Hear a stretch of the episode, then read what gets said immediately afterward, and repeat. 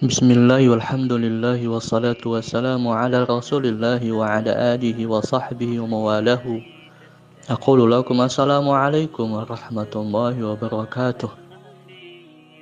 Adapun pertanyaan engkau tentang ikhwan sejati Sebenarnya telah terjawabkan dengan baik oleh Ibn al-Khattab Amirul Mukminin radhiyallahu anhu beliau mengucapkan liqaul ikhwani jala'ul ahzan.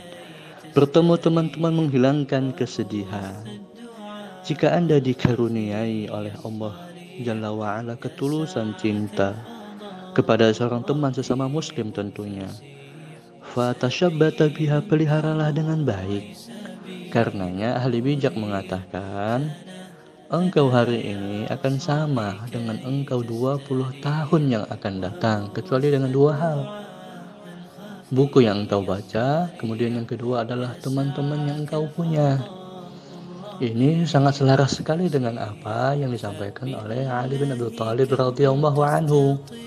Beliau mengatakan, "Alaikum bil ikhwan, fa innahum 'uddatun fid dunya wal akhirah." Hendaklah Anda mempunyai banyak teman, karena teman itu adalah bekal di dunia dan di akhirat. Tidakkah Anda dengar keluhan penghuni neraka?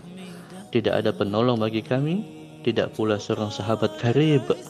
Fama lana min syafi'in wala sadiqin hamim. Alhamdulillah.